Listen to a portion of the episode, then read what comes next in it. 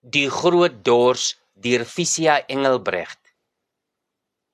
Ou Georgie, jy praat nou so van heuningbier. Het ek jou al vertel van ou Poon se dors? Oom Gert stoot sy koffiebeker terug en skuif reg. Oom Gert Bonjoa is die storieverteller van die Libertas koor en toe die koor Loetswil onlangs besoek het, het hy die dae en aande so tussen die singery deur laat verbyvlieg. Twee ou jong kerel broers, soos in Frans, het op die erfplaas nie verloren 'n bestaan probeer maak. So het hulle daarom elke Saterdag met die een perde karretjie dorp toe gery vir negosie goed. Ou Poon het later genade brood begin vreet en hulle het al dikwels gedink aan 'n genade skoot maar dan weer daarteen besluit. Die jong perd het intussen ook mooi geleer.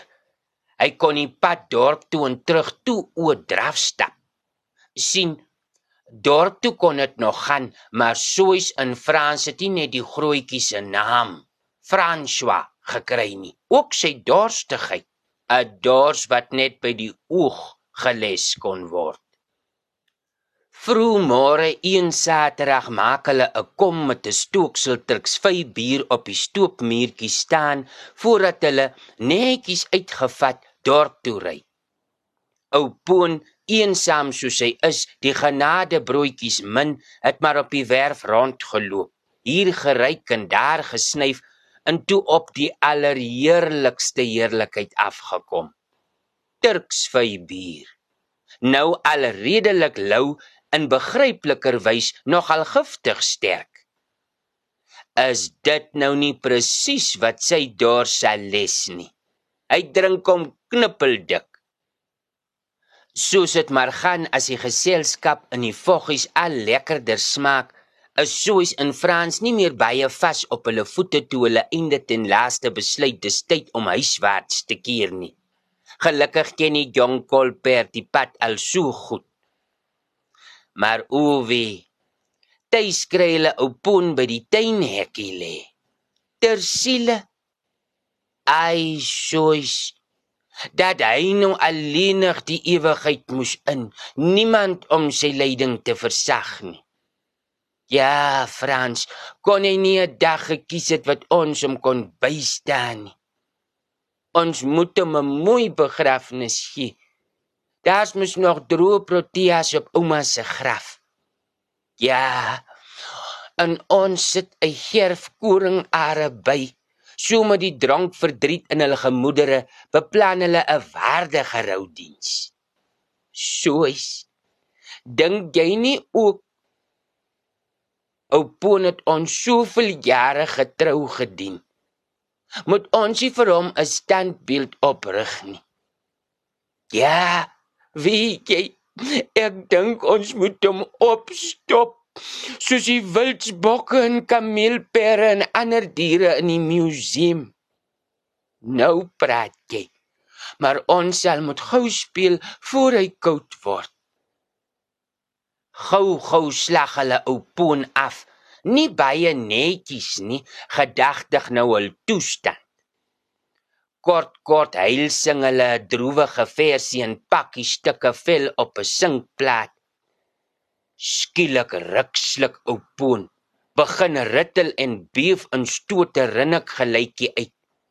Nodeloos om te sê, Frans en Soy sit half nugter geskrik, reg agteroor geslaan en stadig aan besef Poon is net slaapdronk. Hulle gryp die vel en pak dit op op Poon, maar die legkaartstukke wil nie lekker pas nie. Genadiglik lê ou Poon nog stil, behalwe vir die bewerasie. Maar die vel wil nie gaan waar hy moet nie.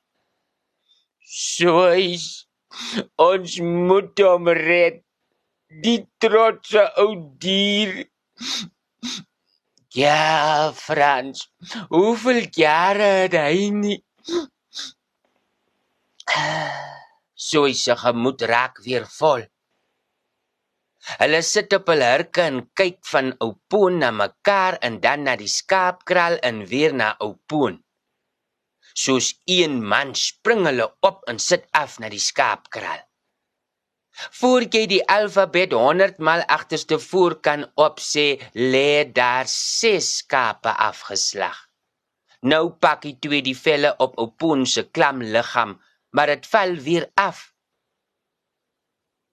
'n Boer maak 'n plan en twee boere 'n dubbele.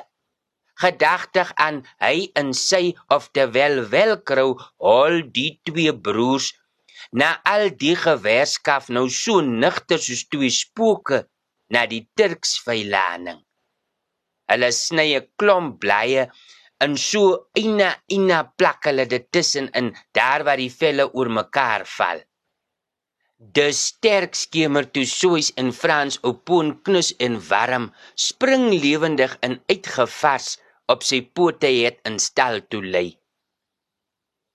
Eers toe hulle die leeskottel waarin die Turksvy bier was op die stoep kry, besef die twee broers dat ou poon net soos hulle die dag lekker op sy eie gekuier het. Nou weet die twee te vertel ja, en hulle sweer blou daarby dat hulle elke jaar 3 tot 4 balle wol van Oupoon skeer in boonop emmers vol Turksvye pluk om nog Turksvy bier te stook.